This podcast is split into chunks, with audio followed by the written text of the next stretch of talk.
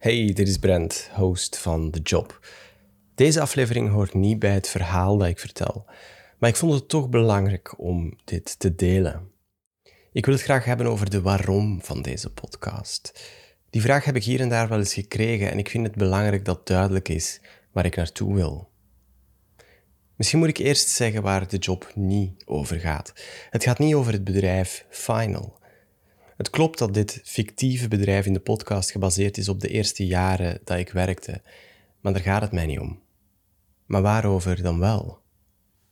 Een tijd geleden schreef ik een aantal Engelse blogposts waarin dat ik de gekke verhalen deelde die ik had meegemaakt in de eerste jaren op de arbeidsmarkt. De eerste jobs die ik had. En de reactie daarop was overweldigend. Um, mensen schreven op social media over hoe mijn verhalen bijna exact hetzelfde waren als de hunne.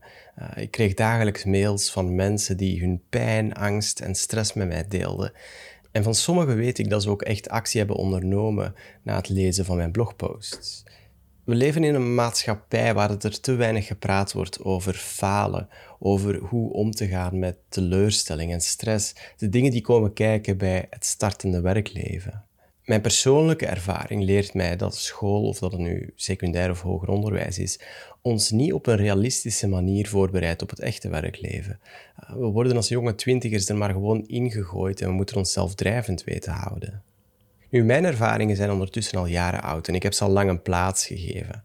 Maar een jaar geleden sprak ik met mijn zus, die net beginnen werken was. En ik viel bijna letterlijk van mijn stoel toen ik haar hoorde vertellen over alles wat zij had meegemaakt die eerste maanden in het echte werkleven. En dat ze totaal niet wist hoe hiermee om te gaan. Onrealistische verwachtingen, een enorme druk, een gebrek aan begeleiding. Burn-outs zijn een concept van onze generatie, dat hoor ik wel eens. Eh, we zwijgen, we ploeteren voort omdat we denken dat dat de manier is totdat we helemaal op zijn. De job kaart deze problematiek aan door er gewoon open en eerlijk over te praten. Ik weet dat mijn verhalen verre van uniek zijn en dat is net de reden dat we ze bespreekbaar moeten maken. Vaak liggen verwachtingen heel hoog, terwijl er veel te weinig ruimte is voor het persoonlijke en mentale welzijn. Ik hoop dat deze podcast een klein steentje kan bijdragen om hierover meer bewustzijn te creëren. Ik vond het belangrijk om dit alles toch even op een rij te zetten, omdat ik niet zou willen dat de straffe verhalen die ik heb meegemaakt zouden afleiden van die belangrijke boodschap.